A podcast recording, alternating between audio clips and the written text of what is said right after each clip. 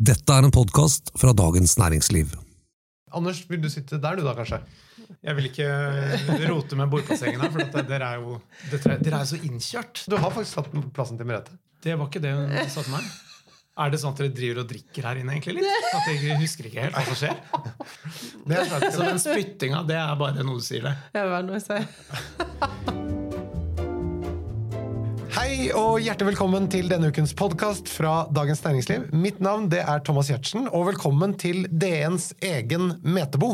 Eller at Metebo. at Metebo.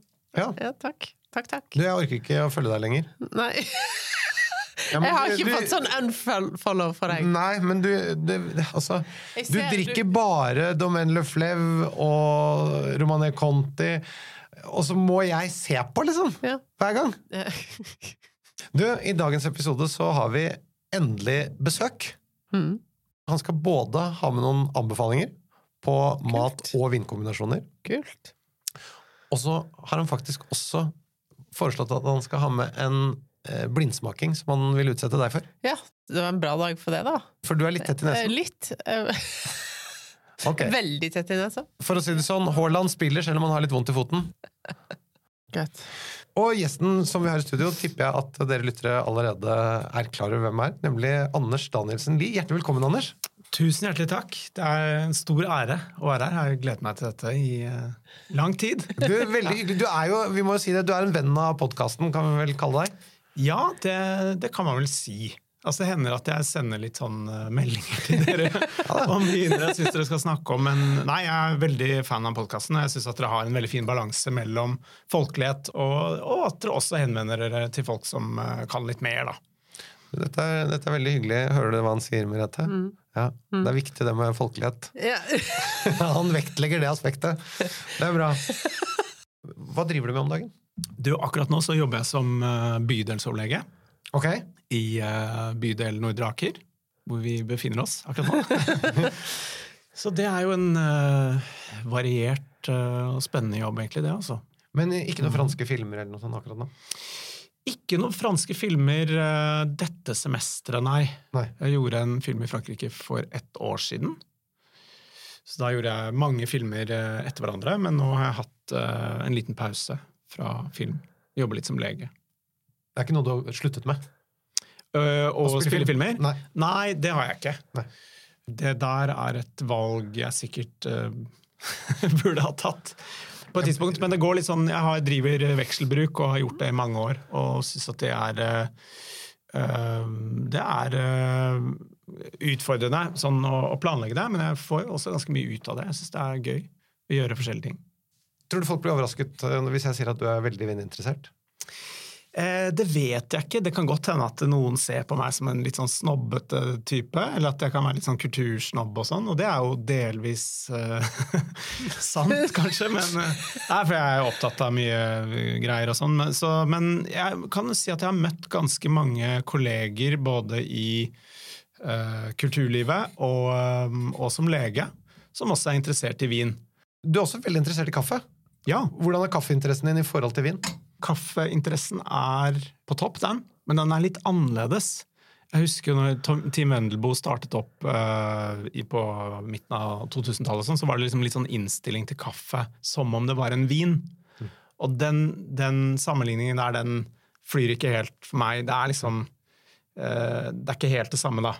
Det jeg er mest opptatt av, er at kaffen er ren, at den er fersk, og at det ikke er noe, noe unoter. Og det er, det er noe jeg kan uh, ta meg selv i å være interessert i med vin, at jeg kan sette pris på en helt perfekt flaske, som det ikke er noe sånn uh, feil på.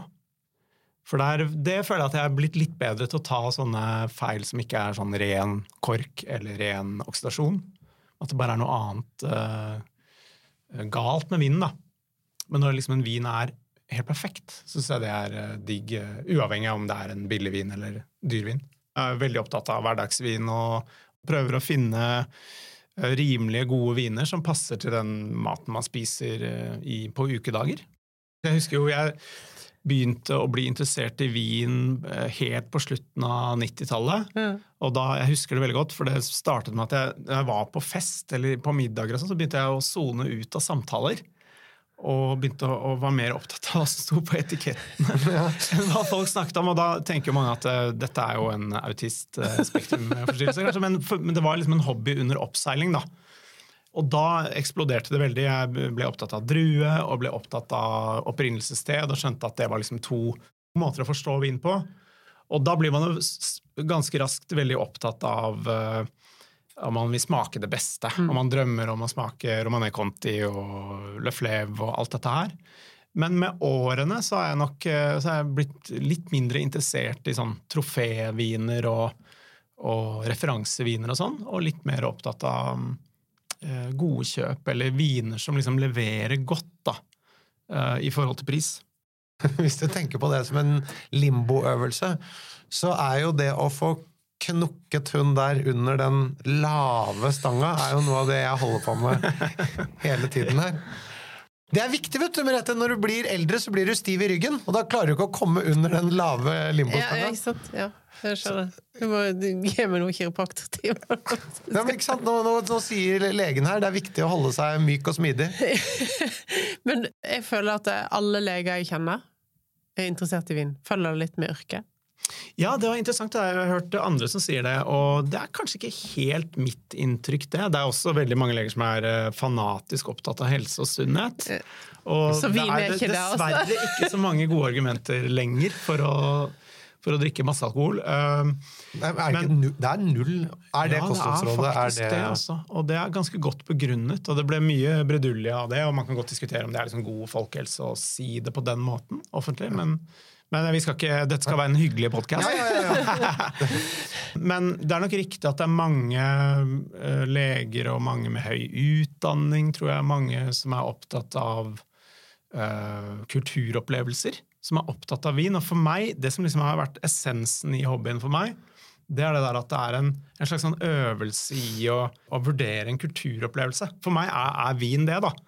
Uh, Så jeg skriver alltid notat. Ja. Og det er en sånn uh, veldig et sånn rigid ritual som jeg aldri har slutta med. Og jeg kan ta meg selv i å gjøre det også på, i, eh, under veldig sånn omstendigheter hvor det er veldig vanskelig å skrive notat. For eksempel hvis jeg får en dårlig eh, cava i et bryllup, så skriver jeg notat da også. Ja. Oh, ja. Og da merker jeg at eh, ikke bare syns jeg kanskje vinen er vond, men det er også utrolig vanskelig å, eh, å beskrive den vinen da. For jeg har ikke oppmerksomheten min mot den. da. Ja, men så er det ikke sikkert han har så mye å beskrive heller. Det kan godt hende. Men man, man kan også få en veldig god vin. Det får man jo noen ganger ved store anledninger. Og så er man distrahert, og det er så mye som skjer. og sånn. Så det handler jo nettopp om å velge riktig vin til riktig anledning, når Nettopp. man liksom kan være sensorisk til stede og fokusert. da. Ja, og det gjør jo, det har dere sikkert opplevd veldig mange ganger òg, at man kan noen ganger åpne skikkelig gode ting på en grå tirsdag. Fordi da har man tid, konsentrasjon og, og oppmerksomhet å vie den vinen, da. Nettopp, mens det å sitte eh, med masse mennesker som egentlig er mye mer opptatt av en samtale, eller som er, noen er forelsket i hverandre, eller hva enn det måtte være, men de er alle andre steder enn eh, fokusert på den flaska. Nettopp. Også, men jeg er syns jo dette også er en sosial hobby. Jeg synes jo det er, Ingenting er morsommere enn å snakke om vinen med folk som eh, også er interessert. Men, eh, men jeg tenker litt på det at eh, viner som jeg tenker er vel, har mye info i seg, da, som er veldig komplekse, de har jeg helst ikke lyst til å åpne hvis det er veldig mange til stede, eller, eller jeg vet at omstendighetene blir veldig, veldig eh, At folk blir ukonsentrerte.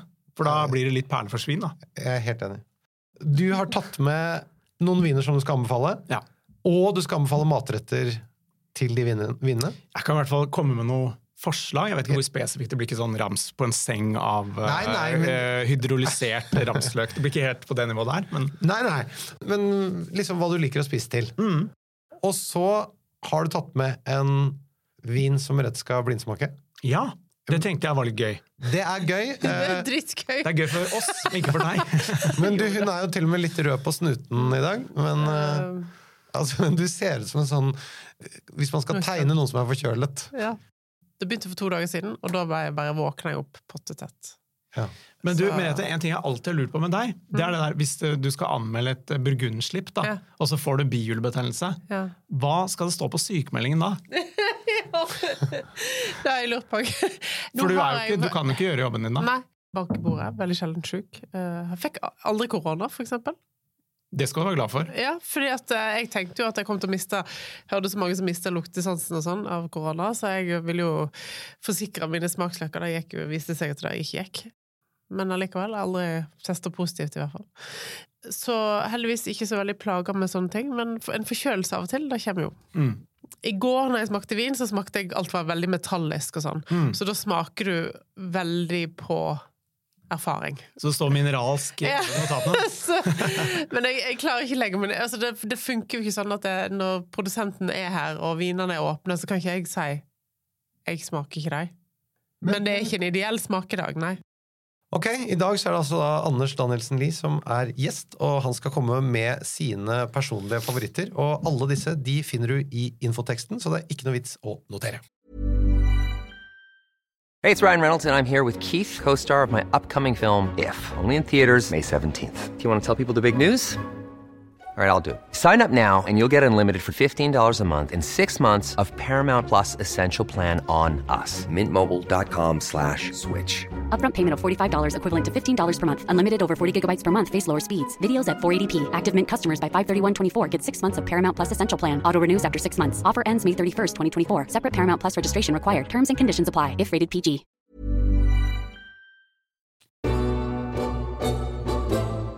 Du har med fire viner, er det det? Ja, altså det var en masse viner i hodet mitt, og så tenkte jeg litt på hva skal jeg anbefale. Og jeg vet ikke om dette er nødvendigvis mine eh, Jeg syns det er så vanskelig å lage sånn eh, topp ti-lister og sånn. Jeg får ikke det til, jeg. Nei, men jeg, jeg men, men det blir mer sånn hva er det jeg tenker på, hva er det jeg syns er gøy nå?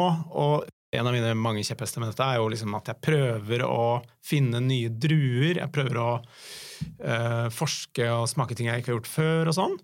Så jeg har kanskje hatt uh, litt uh, det i tankene med de anbefalingene her, og så har jeg prøvd å, at det ikke skal være altfor dyrt, da.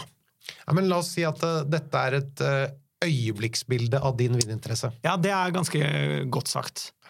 Og da, Jeg vet ikke hva vi skal starte med der, men vi kan jo starte i det nedre prissjiktet. Det er helt topp. her, her blir det under, under 250 kroner. Altså. Ai, ai, ja, da tikker jeg den boksen med en gang. Merete, du kan få fri på den i dag. Ja, fint. Takk. Så slipper vi å bøye den stive ryggen din.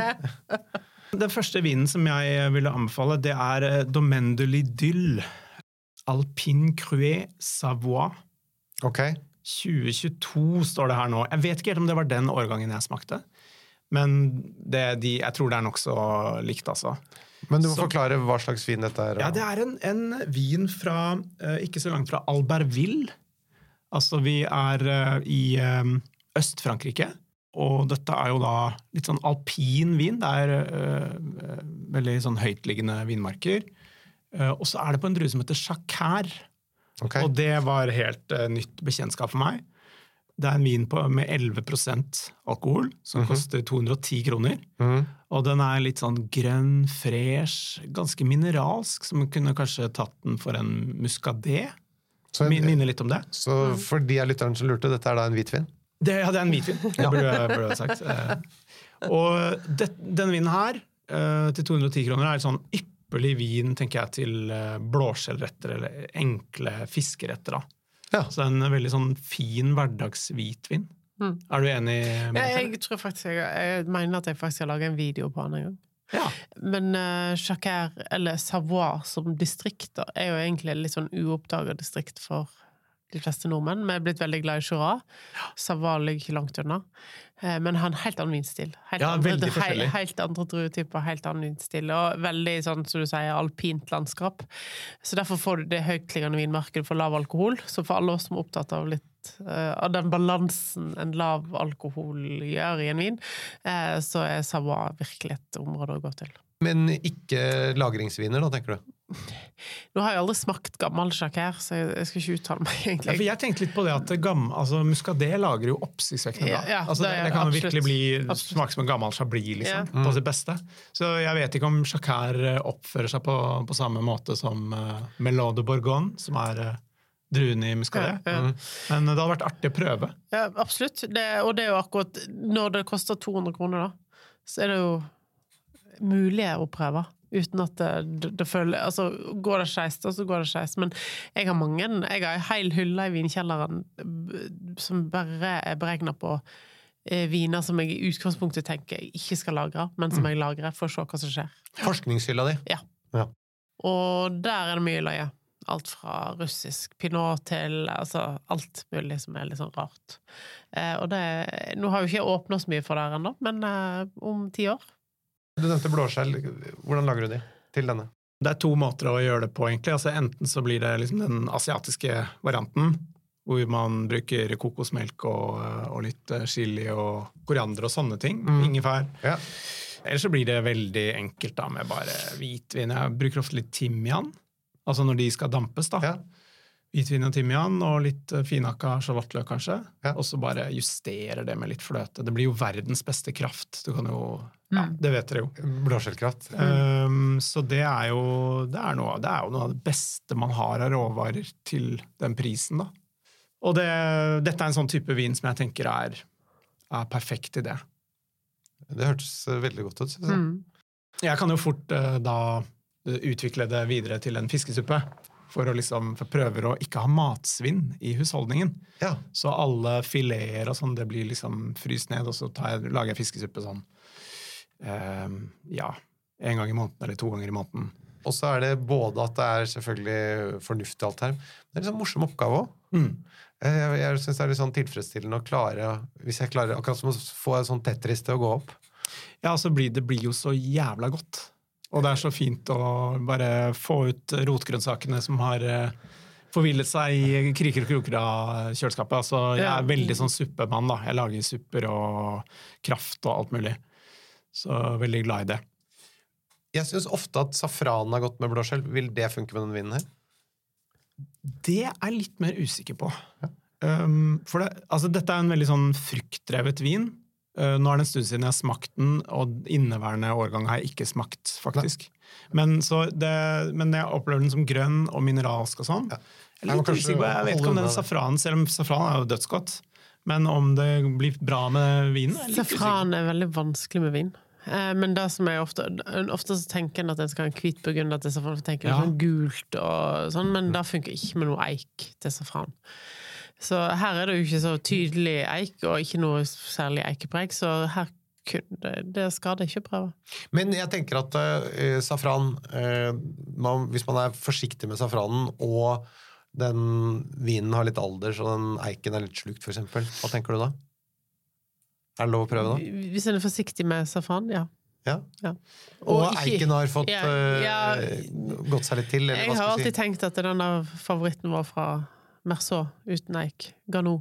Ja, nettopp. Ja. En ganske god kombo. Men uh, jeg har aldri testa det. altså. Jeg lurer, nå, Dette er bare sånn idé on the, from the top of my head, men det er et, kunne det være gøy med noe litt sånn aromatisk spice i vinen til den safranen? Og så tenkte jeg på en eller annen Riesling med litt sånn aromatisk spice. Kunne det vært eh, gøy? Jeg har ikke prøvd det sjøl, men Det kan gå med en litt sånn uh, Alsace-riesling med Ja. en ganske god modenhet. Men poenget er at i, i Frankrike så er jo veldig mange av de fiskesuppene har jo litt safran i seg. Ja. Mm.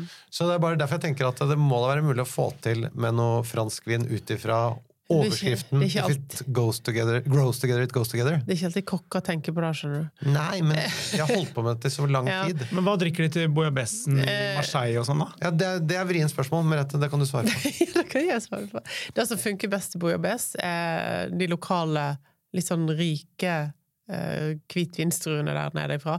Grenache Blanc og, og sånne ting, faktisk. Mm. Uh, Hadde ikke du, Laget ikke du en sånn eh, sak en gang hvor du skulle teste hva som passa til bouillabaisse, og at det var så Det var vanskelig kjempevanskelig. Jeg, fant en sør Sørfransk hvitvin, ganske kraftig sak. Litt sånn rik, chubby vin, som ble bedre med bouillabaisse. Jeg husker ikke hva han var laga på nå, for å være helt ærlig. Men det var, han var liksom fra Languedoc. Eh, og og Det det, var jo- det eneste som funka. Ja. Det er for øvrig utrolig gøy når maten gjør vinen bedre. ja. Altså, det synes jeg er veldig gøy. Hvis du har en rødvin som ikke er helt sånn moden, eller er litt sånn snerpete, og så får du kjøttretten som liksom bare så mykner det opp. Det synes jeg er veldig gøy. Da. Det er kjempekjekt. Så lurer jeg på om jeg skal gå over til min andre anbefaling. Det er klart vi skal videre. Da jeg begynte å bli interessert i vin, så kom Chablis veldig fort på banen. Uh, og jeg var helt besatt av det uh, en tid. Eh, og jeg var veldig glad i mineralske hvitviner, da, som også var litt sånn syre, syrlige og stramme og sånn. Eh, Så det, og det har holdt seg også med global warming, og sånn, så jeg har vært veldig bekymra for at vi nå skal miste både Chablis og Burgund og sånn. Men akkurat de siste årene så, så syns jeg jeg har smakt mye god Chablis. Og da var det én produsent som jeg hadde lyst til å slå et slag for. Og da hadde jeg tenkt å, ehm, å foreslå Petit mm. til eh, Benjamin Larache. Man kunne, han har laget noen fantastiske Grand Cru, og de kunne man selvfølgelig anbefalt, men da er vi oppe i ja, 800-900 kroner, noe sånt. Men jeg må bare Ja. skyte inn at eh, jeg er også nemlig veldig fan av Chablis, og jeg har i det siste tenkt at jeg skal kjøpe mer Chablis i forhold til sentralburgund, nettopp fordi du får en fantastisk kvalitet, syren som er der, og eh, i de beste vinene så har du jo også en dybde og en kompleksitet, så, men prisen er tross alt ganske mye billigere enn sentralbyggen da. Ja, det er den. Og Så- du, kan, du kan få veldig mye mer sånn eh, eh, Mer adresse, altså mer preg av Chablis, til en mye lavere pris, da. Hva sier du om dette, Merete? Jeg er helt enig. Jeg synes ofte Når jeg sitter og smaker chablis, så får du alt fra petit chablis, som strengt tatt ligger på toppen. Ja, det er vel egentlig et annet jordsmonn? Ja, ja, ja, det er mer Portlandian-kalk enn enn det er de andre vinmarkene. Men, eh, men av global oppvarming, vi har fått det litt varmere, så har jo de vinmarkene blitt bedre, klimatisk sett. ikke sant? Akkurat. Eh, og så er det jo da eh, Chablis og helt opp til Grand Cru. ikke sant? Og ofte så sitter jeg igjen med den følelsen av at jeg syns ofte Petit Chablis ikke bare er det beste å kjøpe, for den er rimeligst, men òg kanskje den beste vinen, i hvert fall akkurat der og da, fordi den er mest åpen og tilgjengelig. Og, Og litt en Grand? Cru er ofte rik og Ja, ja, feit, og de har brukt for mye eik på den, eller Altså, de har liksom jobba for mye med den, mens Petit Chablisen har ikke fått noe kjærlighet, men likevel framstår som den der liksom, sånn eh, rå og tøffe vinen som du Det er den du har lyst til å drikke. Eh, så, det, så, så det er absolutt ikke noe must med Grand Cru, liksom. Altså, sjelden jeg egentlig sitter igjen med Grand Cru var den jeg hadde lyst til å drikke. Selv om vin har en mer dybde og en bredde og en, en teknisk sett bedre vin. Akkurat det poenget der synes jeg er så interessant, for det er så veldig ofte det at når, man liksom skal, når produsentene skal makse ut og vise liksom hva de kan, så har det en tendens til å ofte bli Det blir ofte litt mer vekt, og det blir litt tyngre viner. Og det er jo ikke alltid det du vil ha Uh, til mat, da, for eksempel. Eh, så det, er, det er, kjenner meg veldig igjen i, i det du sier der. Så det, men i denne vinen her, da, som er en Petit Chablis, lavest, laveste kvalitetskategorien, så får du oppsiktsvekkende mye av det du gjerne vil ha av en Chablis. Du får den der fine eple-sitrusfrukten. Her tror jeg det er ståltank eh, for det meste. Jeg tror det. Det er i hvert fall veldig sånn old school-stil. Og så er det en nydelig eh, mineralitet, da. Altså en sånn sjø, sjømineralitet. Er det også Og- noen ja. sånn meieritoner og sånn? Jeg synes ofte Ja, eh, ka- muligens litt på den. Han har en premierkryss som heter Volignon, Mm. som også er mulig å få tak i nå. Og den er akkurat som det er liksom litt sånn der eplekrem. Altså, så føler at du driver og lager eplekake og pisker krem samtidig. Ikke sant? Det Ja, er ja, sånn ja, ja, ja. Og av og til litt sånn yoghurt og sånn briskorpe får jeg også av og til. noe- Ja, Briskorpe er veldig vanlig. Så jeg liker det veldig godt i Chablis nå. Men denne er først og fremst stram, syrlig, mineralsk, men så har den sånn flott balanse, da. Og det er en ting jeg er ganske opptatt av i Chablis, som er sånn Du har en prosess som Droit, som jeg også er veldig glad i, men som ofte er litt mye eik på og sånn. Men det ordner seg med, med åra. Mm. Men uh, balansen er så bra. Sånn at det, det er så utrolig godt balansert, da, syns jeg. Og det syns jeg er en, eh, et uh, trekk med ved Benjamin Laroche, som da ikke må forveksles med, med andre Larocher. Det, men det er jo hele veien. sånn hele Burgund. Uh, mye mye, mye store navn. Men du, hva lager du til dette? Ja, hva lager jeg til dette? Altså, dette er jo en Kunne man godt uh, spist østers til, tenker jeg. Fordi den har den mineraliteten, så det er veldig sånn eh, invitasjon til uh, noen skalldyr som har uh, ordentlig preg av sjø, da. Men jeg syns samtidig den har såpass bra vekt at du, jeg kan godt eh, drikke dette til, til fiskeretter. eh, kanskje mest rød fisk, da, hvor jeg vil ha noe syrlig og krispt som liksom bryter fettet. Altså, Jeg tror ikke jeg ville hatt den til stekt hvit fisk, liksom. Nei. Men litt sånn sart eh, rød fisk, altså noe sånn ishavsrøy eller et eller annet sånt. Kunne godt hatt den til det, altså. Det høres godt ut, det.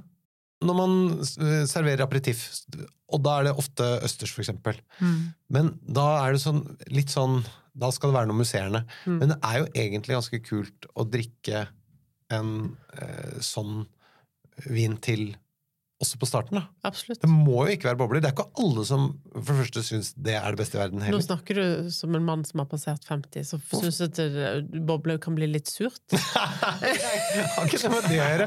Jeg får så mye sure oppstøt! Nei, men jeg, var, jeg var ute med noen eh, komikere eh, i helgen. Vi satt i Bergen og pratet, og så var det flere som sa syns ikke det er så godt med champagne. Og jeg liker at eh, det å få litt sånne ærlige tilbakemeldinger. Mens jeg føler at hvis folk kommer på besøk, så er de høflige og sier de, det er godt med champagne, særlig hvis du åpner det. Men jeg tror kanskje at eh, det kan bli en stor suksess å gjøre en sånn flaske også. Ja, jeg tror du har rett i det. Altså, jeg elsker champagne. Um, hvis du trenger en henvisning til gastroskopi, Thomas, må du bare si det.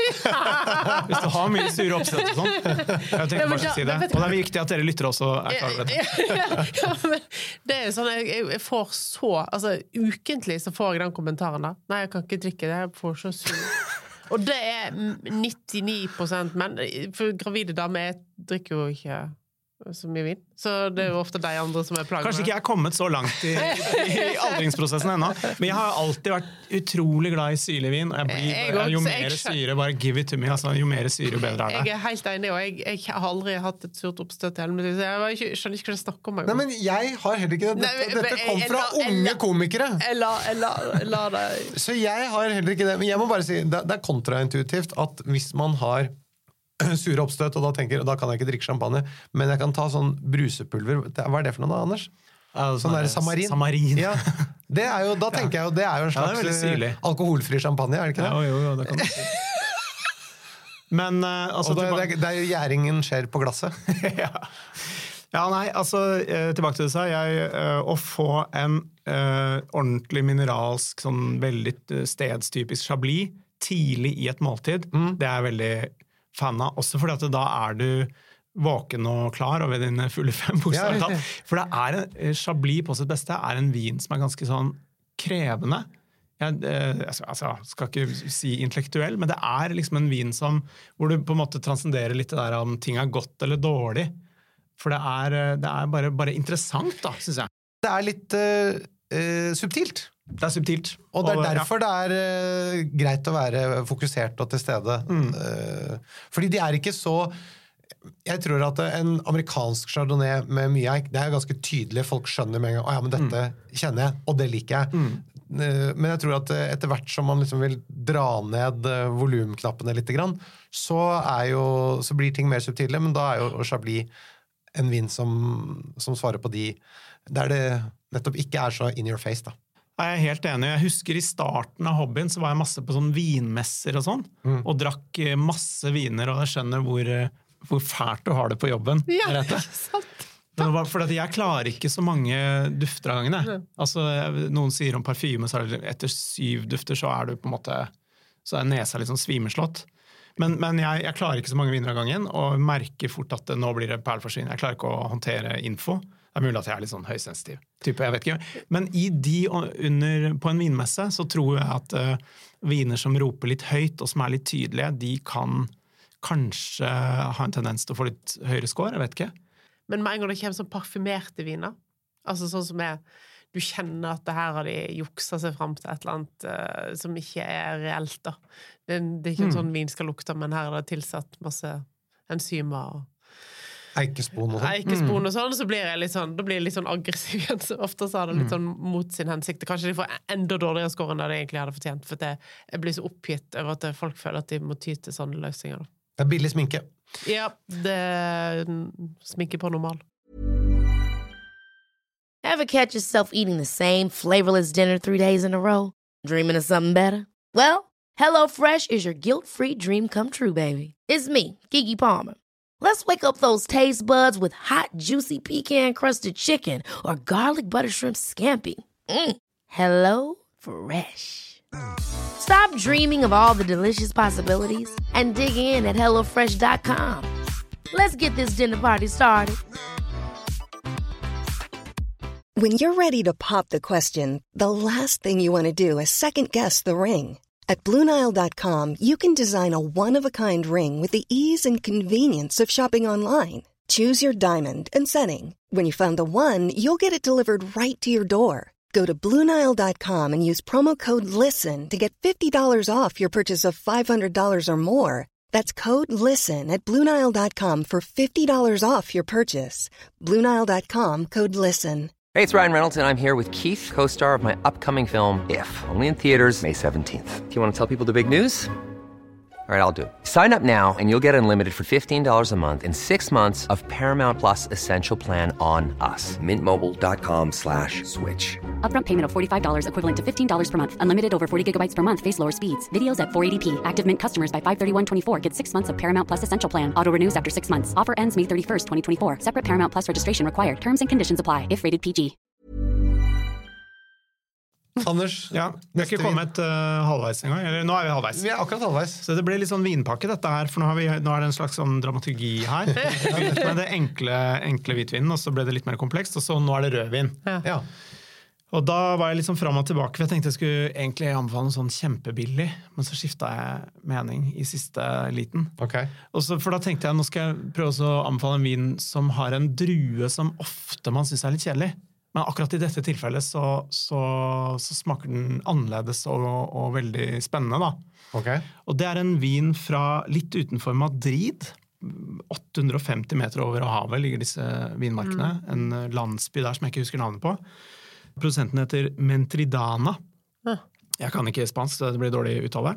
Og vinen heter Uvas de la Ira, som betyr vredens druer, rett og slett. Og det er 2021 jeg har smakt her, og den er laget på 100% Mm. Som eh, vi kjenner fra rån, og ofte i blanding med andre druer, og sånn, men som i sånn endrue-grenache kan ofte bli litt, sånn, litt vel saftig og litt uh, enkelt og skvipete noen ganger. Men her er det en sånn Den er urtete og krydret og ordentlig stram og syrlig. Litt sånn burgundsk i, eh, i strukturen, kanskje, kunne man si. Eh, tenkte litt på Tymiopolos, eh, ikke sant? Eller uh, Okipinti, eller eh, kanskje også litt Beaujolais, sånn god Kry Beaujolais, for den, har, den er litt vill. Bitte litt vill, vill, men bare litt. Og dette syns jeg var ordentlig spennende, for jeg har aldri Jeg har ikke smakt grenache på den måten. Litt sånn urtete og veldig, veldig anvendelig vin, da. Ok. Så her Jeg eh, husker i, i, eh, For mange år siden så, så hadde jeg en sånn hangup på um, eh, saltimbocca og rød burgund. Og det er jo totalt brudd med eh, dette ordtaket 'if it grows together, it goes together'. Ja. Men det var et eller annet med hvis jeg fikk en, en litt ung burgund som kanskje var litt grønn og var litt sånn urtete, så gikk det så godt til salvien. Og det, jeg elsket den kombinasjonen. Ja. Så det er, tror jeg, saltimbocca er en, en rett jeg tror jeg kanskje ville forsøkt dette her til. Men det, jeg tror den kan gå til mye, for den har, har syrestruktur. da. Den lille ville tonen den går litt i retning syra. Så jeg sier ikke at man skal ta, ha den til vilt, men man kan liksom tenke litt, sånn, litt rustikk. da. Eller litt sånn skogaktig. Og den er jo på 14,5% alkohol, og det er jo litt for meg litt avskrekkende, egentlig, hvis jeg ser det på en etikett. Men av og til så er det akkurat som det bare fordi alt annet er i balanse, så, så funker det. Altså, jeg har det sånn med Barolo noen ganger. Ja, men, men hvis man skal drikke Barolo, så, Så er det man der det er. Ja. Det må bare aksepteres. Ja, eh, En flink vinprodusent tåler fint 14,5.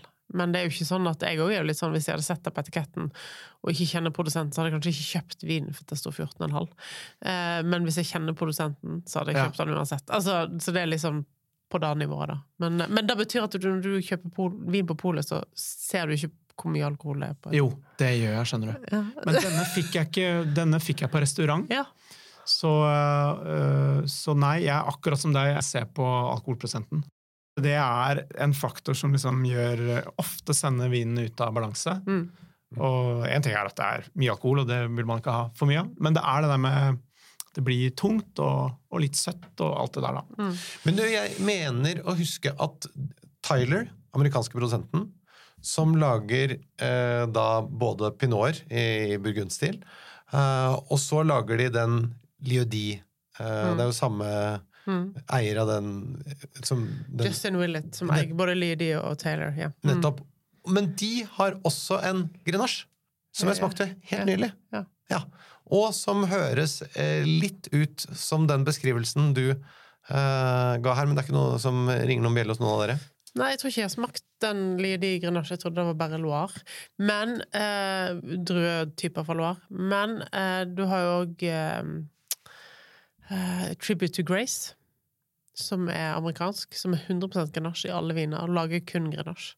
Oi. Eh, som er ganske sånn delikat Grenache. Den jeg smakte i helga, var Manfred Crankle, Sin Quanon, som er en sånn ikonvin fra USA som koster sinnssykt mye penger, og som aldri har vært på det norske markedet. Som jeg var veldig nysgjerrig på, og fikk muligheten til å smake. Men det er kanskje liksom Men det som var så interessant med den, at 15,8 byr deg jo på en måte helt imot, men samtidig så kjente du her at det var en sånn enorm flott frukt i den vinen som som jeg tenkte sånn ha- Hadde kunnet bare sugd ut bare 2-3% her, så hadde det vært en helt insane balanse i den vinen. Ikke sant? Tilsette litt vann, da. Ja, det, det hadde han ikke gjort, tydeligvis. Men det er jo løsningen. Men i, i Spania, garnacha Der nede. Garnacha. Ja. Ja. Mm. Ok, men da uh, siste vin, Anders. Ja, det er jo, det er jo den liksom, Nå kommer den tunge rødvinen. okay. Den er ikke så tung, men den, eh, jeg ser at den i den årgangen som er tilgjengelig nå, så har den også litt for høy alkohol for min smak. Okay. Men jeg, den bærer det, da. Ja. Og jeg er veldig glad i Cabernet Franc, eller Cabernet Franc. Mm. Det er en drue som jeg er litt sånn ekstra svak for blitt. Og jeg har inntrykk av at det er litt elsk-hat. At noen elsker det derre paprikalær-greiene, og noen syns ikke det er godt. Eh, Jeg syns det er godt også når det er litt, kan være litt sånn eh, grønt og vegetalt. da. ja, grønn paprika. Ikke sant? Det er jo en, uansett en interessant drue fordi at den er i slekt med så mange andre druer, og kanskje far til både Cabernet Sauvignon Merlot også, Mm. og Carmenar, og jeg vet ikke hva det er. Så det er en gammel, viktig drue, da. Og den vinen jeg har tenkt å anbefale, det er Antoine Sanzé, heter den prosenten. Saumur Champigny Le Poyeux 2018 eller 2019. Jeg er litt usikker på hva du kan få tak i nå. Begge er gode, eh, og begge er jo litt varme, sånn at hvis du ikke er Hvis, hvis du liksom vil at den skal være litt At den skal ha litt mer modenhet, da, Mm. så får du det her. Du får liksom uh, Cabernet Franc med litt mer modning. Og det er altså en aldeles deilig, veldig fruktig, litt floral, læraktig, veldig kompleks vin. Altså, den er så godt balansert. Den har en sånn herlig rød frukt. Den lagrer sikkert godt, men jeg syns liksom den derre unge frukten er helt sånn umotståelig her, da. Så jeg drikker disse her gjerne nå. Ok, og har du, Kjenner du til vinen? Merete? Nei, altså jeg kjenner jo til området og druene og alt dette her, selvfølgelig, men ikke produsenten. Må jeg si at det kjenner jeg ikke til. Så nå må jeg, nå må jeg, får jeg lyst til å bare sjekke hvor godt det er. Jeg har smakt den uten at jeg kjenner til den. Nei, så Nå er vi litt sånn sentralt i Loire, da. Eh, appellasjonen er jo da Saumur Champigny. Eh, og det er en vinmaker som jeg tror eh, Altså, det er, det er ganske sånn min, minimal intervensjon. Man prøver å la naturen ordne opp. Jeg tror de er sertifisert eh, biodynamiske. Så det, og det, du kjenner at, at det er eh, Ja, den også er litt vill. Jeg ser, Han er 2020. Er det blitt det nå, ja? Ja. Nettopp. Så da Ja ja. Men eh, den årgangen har jeg ikke smakt. Så jeg syns 18 er veldig god, da. Det er jo 18 er jo sånn vanskelig år eh, mange steder i Europa pga. Ja. at det var så varmt. Det var jo dritvarmt her hjemme også, Ja. det husker vi. Men, eh, men det er kanskje, Loire er kanskje et område som liksom vil kanskje nesten ha litt godt av at det blir litt varmere. Ja, jeg ville kanskje tenke det nettopp fordi jeg trodde at det var kjølig og eh, mye nedbør. Jeg har skrevet at han har litt sånn strukturerte tanniner, så han er kanskje ikke så moden som 18 ville vært. Noen ganger tenker du 'å yes, endelig en ny årgang'. Og noen ganger tenker du 'søren, nå kom det en ny årgang'. Ja, og så er det jo mange steder i verden har det jo ikke så mye å si, men her er vi jo i en del av verden hvor det har veldig mye å si. Veldig mye å si. dessverre. Ja. Har du smakt eh, den Liodi som vi også eh, nevnte her i sted? Amerikansk. Ja, ja den har jeg smakt. Mm. Og den er jeg ikke så fan av. Jeg er litt usikker på om det kan ha vært en litt dårlig flaske. Den er veldig glatt. Ja, litt Til å glatt. være og- glatt, til å være Cabernet Franc. Ja, så jeg liker jo at det er motstand og Ja. Her er det ingen sånn, motstand. Nei. Altså, det er helt silkemjukt, eh, alt. Ja, jeg er Men, ikke sånn eh, silkemyk eh, type. Sist jeg var i dette bygget, så ble jeg personlighetstestet, personlighetstestet Ja. og da kom det jo for en dag at jeg var fiendtlig nevrotiker. Det er kanskje derfor jeg, kanskje derfor jeg, jeg liker sånn sure og tverre viner. Elsker det. Jeg må si, Anders, Var det personlighetstesten din? Da må jeg si, da, da har du skjult det godt så langt. Det er hyggelig å prate med deg. Ja, men det er veldig hyggelig. Det er overkompenserer. det er sikkert Vi Men har snakker du- om vin. Ja, ja. Men har du smakt vår Jeg sier vår, jeg, da. Høres ut som eh, gift. Men eh, min, da. Jeg tror din òg. Clos Rochard, favoritt fra, på Cabernet Franc fra Loire. Nei, det har jeg ikke. Så må har vi, vi må invitere på den, da. Ja, det vil jeg, Da kommer jeg med. Slipper jeg alltid ha det ene. Om jeg står med pasienter, så er det, må de bare seile sin egen sjø. Og da vil du ha til den. Da vil du ha Ja, det er det, da. Jeg syns jo igjen, så jeg elsker med Cabernet er at jeg, jeg kan drikke det til veldig mye forskjellig. Men det er jo eh, Jeg har noen eh, restauranter i Paris og sånn som er litt sånn Som er veldig parisiske, og hvor du får litt sånn rustikk due, duerett og sånn. Mm. Um, litt sånn litt rustikke kjøttretter, for jeg vil at det skal være litt urtete. Jeg vil at det, det skal være noe i maten som liksom spiller litt på lag med det, det der krydderet, urtepreget, da Ja. Eh, som er i vinen. Uh, men jeg kan godt, sånn som den uh, Sansé, som er så kjøttfull, og som også har eh, bra struktur og sånn, jeg kan godt drikke, det til en biff, altså. ja. Jeg syns den kan hamle opp med, med mye forskjellig.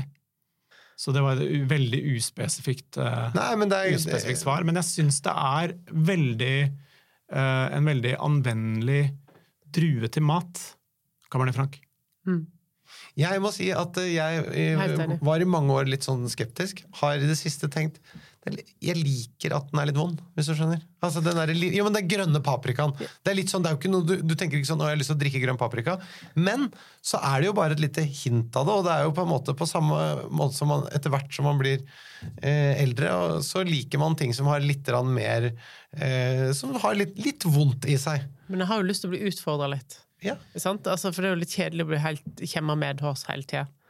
Eh, og Cabernet Franc gir deg en liten sånn utfordring. Og jeg er helt enig, jeg har jo ikke lyst til å drikke grønn paprika, men, du, men akkurat den lille kryddernoten som det er i de vinene, er jo med på å gi en sånn ekstra dimensjon. Da. Vi drakk jo Cabernet Franc til Due i Paris. Det var en, av de, det var en helt sinnssyk kombinasjon matvinmessig. Ja, ja. Nei, og det er det der, hvis du, har, hvis du skal lage noe med kjøtt, og det er mye urter i Jeg elsker å bruke urter i mat, og, og da tenker jeg ofte på, på den druen, da. Fordi den liksom kan levere det. Og jeg syns også at det er en Uh, Ofte er liksom Cabernet Sauvignon litt sånn psykopatdrue. Altså hvis du putter bare litt noe Cabernet oppi, så kjenner du det solbær eh, med en gang. Men, men Cabernet Franc er også ganske, gjør ganske mye ut av seg, da. Så jeg syns jeg kan kjenne, hvis det er Cabernet Franc i en Bordeaux, så syns jeg ofte jeg kan kjenne det. Jeg vet ikke om det er noe, Jo, jo. en sånn placeboeffekt, men hvis det er liksom 20% Cabernet Franc, Ja. da føler jeg at jeg kjenner det. Ja. Da kommer den derre Da kommer faren i Cabernet som og sier at det er jeg som er sjefen her! Pappa kommer. Du, dette var veldig bra anbefalinger, Anders. Eh, Selv eh, må jeg bare si at eh, det skal bli litt mer Cabernet Franc på meg fremover. Da er vi kommet til siste punkt på dagens program. Dette blir så gøy, det. Dette er blindsmaking! Jesus. Ok, Merete. Da har du fått glass. Du har fått spyttebakk. Mm. Vi smaker med deg, men vil du si noe om hva du plukker opp her, eller? Du kan beskrive fargen, da. Den er ganske mørk, helt ugjennomsiktig.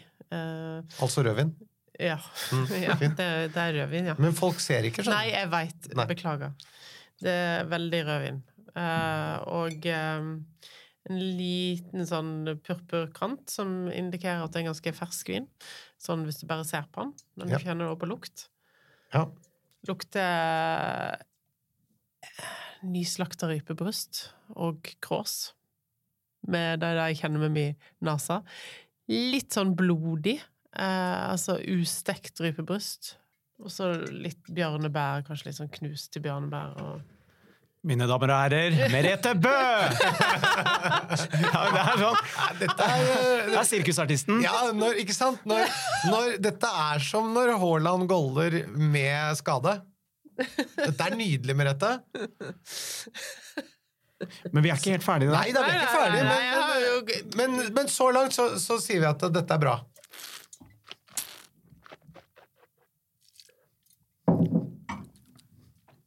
Kan ikke du da si hvilken drue det uh, smaksnotatet der drar deg til? Altså Det første jeg tenkte, var at dette er en Syrah. Uh, så ja. Ja. Men det kunne jo siden han er sånn der eh, skal ha sånn rare druer, så kunne han jo funnet en moden mondøs fra Savoie. Det lukter, kan lukte litt sånn. Ok, Men det er bare de to som lukter sånn. ja. Men den er ikke moden, da. Så da Nei, så- For det sa men- du at det var en ung vin. Det var riktig? Ja, Mest sannsynlig diagnose altså er at det er en ung syra. ja, ja. Differensialdiagnoser, som vi sier i mitt fag, det er liksom hva det også kunne Kan ha vært. vært, ja. Ah, ja. Og da Og sa kan, jeg du- begynne, kan jeg låne det ordet der? Det kan du gjøre. Sånn. Differensialdiagnostisk. Men uh, moden mondøs, er det Har vi noe andre er det, Kunne det vært noe? Mondøs er egentlig faren til Syrah. Såpass, ja. Mm. Der lærte jeg noe nytt. Jeg òg. Jeg smaker ikke alle nyansene. Det kan lukte det bedre enn jeg smaker det, nesten. Men det er jo rart, for det er jo det samme Ja, du jeg vet, med. men det føles lettere å lukte enn smaker. Jeg føler at alkoholen stikker litt mer fram enn det kanskje det han egentlig gjør. Og eh, at syra stikker litt mer fram enn det han egentlig gjør. jeg syns også faktisk alkoholen stikker litt ut her, altså. At, Men- nei, men jeg vet ikke hvor høyden er, men jeg ville tippe at den var litt i øvre, øvre sjiktet. Og det er ganske ferskt. Det er sånn 2020. Ganske høy syre. Ja. Noe som jeg tenker da er det med forholdsvis Feil å si kaldt klima, for at du kjenner at det er mye alkohol her, men jeg tenker, minner meg om 2020 som årgang. Konstruert, syrlig. Um, samme ferskhet, liksom, som en eh, to-tre år gammel vin ville hatt. Um, tenker jo Nordhånd, men, men samtidig så er det noe som mangler litt på Nordhånd, da. Hva da? At det det mangler litt av krydder, men det kan være min forkjølelse som mangler. Okay. Så jeg stoler liksom ikke helt på smaksløkene mine, kjenner jeg, men jeg, eh, men jeg tenker jo at det med eh, Ja, at det er 2020 Syrah. Og du tenker eh, Frankrike, Noran. Jeg er veldig overraska hvis dette her er Australia, liksom. Men da hadde jeg blitt veldig glad hvis det var Australia. Men Merete, er det rypeblodet og kråsen og disse vilteffektene som sender deg dit? Ja, litt mer enn egentlig smaken. Smaken kanskje gir en indikasjon på litt varmere klima. Og at eh, eik er ganske nøytralt. Mm. Eh, fordi at eh, hvis det hadde vært australsk, så hadde jeg tenkt at her er det mer vanilje og krydder. Da. Frukten er forholdsvis kjølig, syrestrukturen er ganske markant, og tanninene er mer uttalte da, enn det de ville vært i et nyere vinland. Ok, Men Anders, eh, hun sa at hun hadde blitt veldig glad hvis dette var fra eh, Australia. Har du lyst til nå da å forklare, avsløre hva dette er, da? Altså, eh, dette her, Merete, det er rett og slett en eh, Luke. Lambert-syra Kult. fra 2022, eh, fra Yarra Valley I i Australia. Dette her er bare, hva skal man si, veldig imponert. Jeg burde ta Syra, altså. Men, men, jeg burde, men det var vanskelig Det er vanskelig å ta at den er Australia, vil jeg si. Men, men samtidig så var ikke han helt norrøn heller. Det var ikke sånn, Jeg kunne ikke si sånn 'dette er Cross-Hermitage', for da kan du noen ganger si. Eller 'dette er Cotroti' og sånn. Det var ikke noe som var så tydelig. Han var litt mer diffus. Jeg syns jo den har nettopp den derre syratypsiteten Mm, veldig, veldig. klart. Mm. Uh, og det er litt gøy at du får den så tydelig i Australia. Men den har ikke så høy alkohol, den har 13,5% alkohol. Ja. Og det er spørsmålet om det er noe du kjenner på fordi eh, du er forkjølet. Ja, jeg, Fordi- føler, jeg føler at den brenner nesten i halsen. Altså, nå har jeg ikke svelget det, Ja. men, men, men det er nok det. fordi at jeg er litt redusert, ja.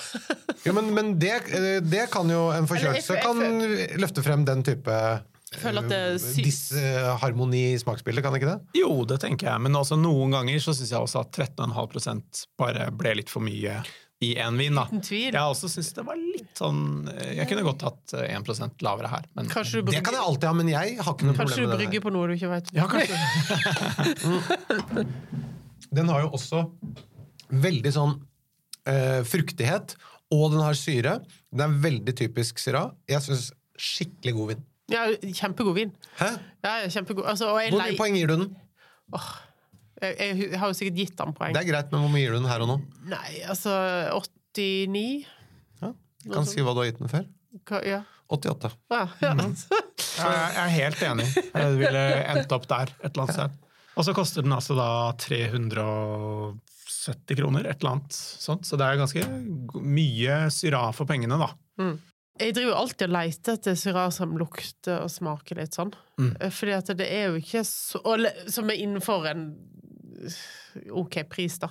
For det er ofte med den konsentrasjonen og den tettheten som er den vinen, så må du ofte ganske mye opp i pris i rån, da.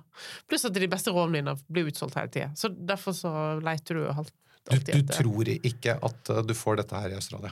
Nei.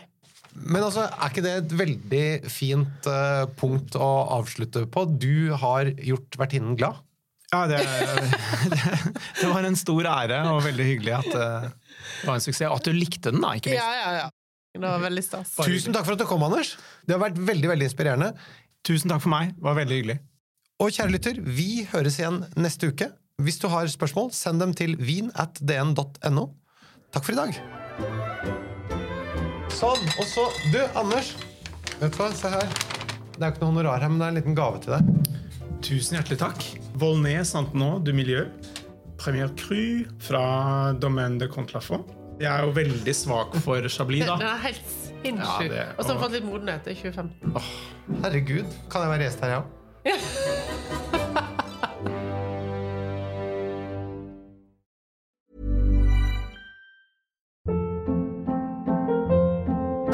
Hold up. What was that? Boring. No flavor. That was as bad as those leftovers you ate all week. Kiki Palmer here, and it's time to say hello to something fresh and guilt-free. Hello Fresh. Jazz up dinner with pecan-crusted chicken or garlic butter shrimp scampi. Now that's music to my mouth. Hello Fresh. Let's get this dinner party started. Discover all the delicious possibilities at hellofresh.com. Mom deserves the best, and there's no better place to shop for Mother's Day than Whole Foods Market. They're your destination for unbeatable savings, from premium gifts to show-stopping flowers and irresistible desserts. Start by saving 33% with Prime on all body care and candles. Then get a 15-stem bunch of tulips for just $9.99 each with Prime. Round out Mom's menu with festive rosé, irresistible berry chantilly cake, and more special treats. Come celebrate Mother's Day at Whole Foods Market. Hey, it's Paige DeSorbo from Giggly Squad. High quality fashion without the price tag. Say hello to Quince. I'm snagging high-end essentials like cozy cashmere sweaters, sleek leather jackets, fine jewelry, and so much more. With Quince being 50 to 80% less than similar brands. And they partner with factories that prioritize safe, ethical, and responsible manufacturing. I love that. Luxury quality within reach. Go to quince.com slash style to get free shipping and 365 day returns on your next order. Quince.com slash style.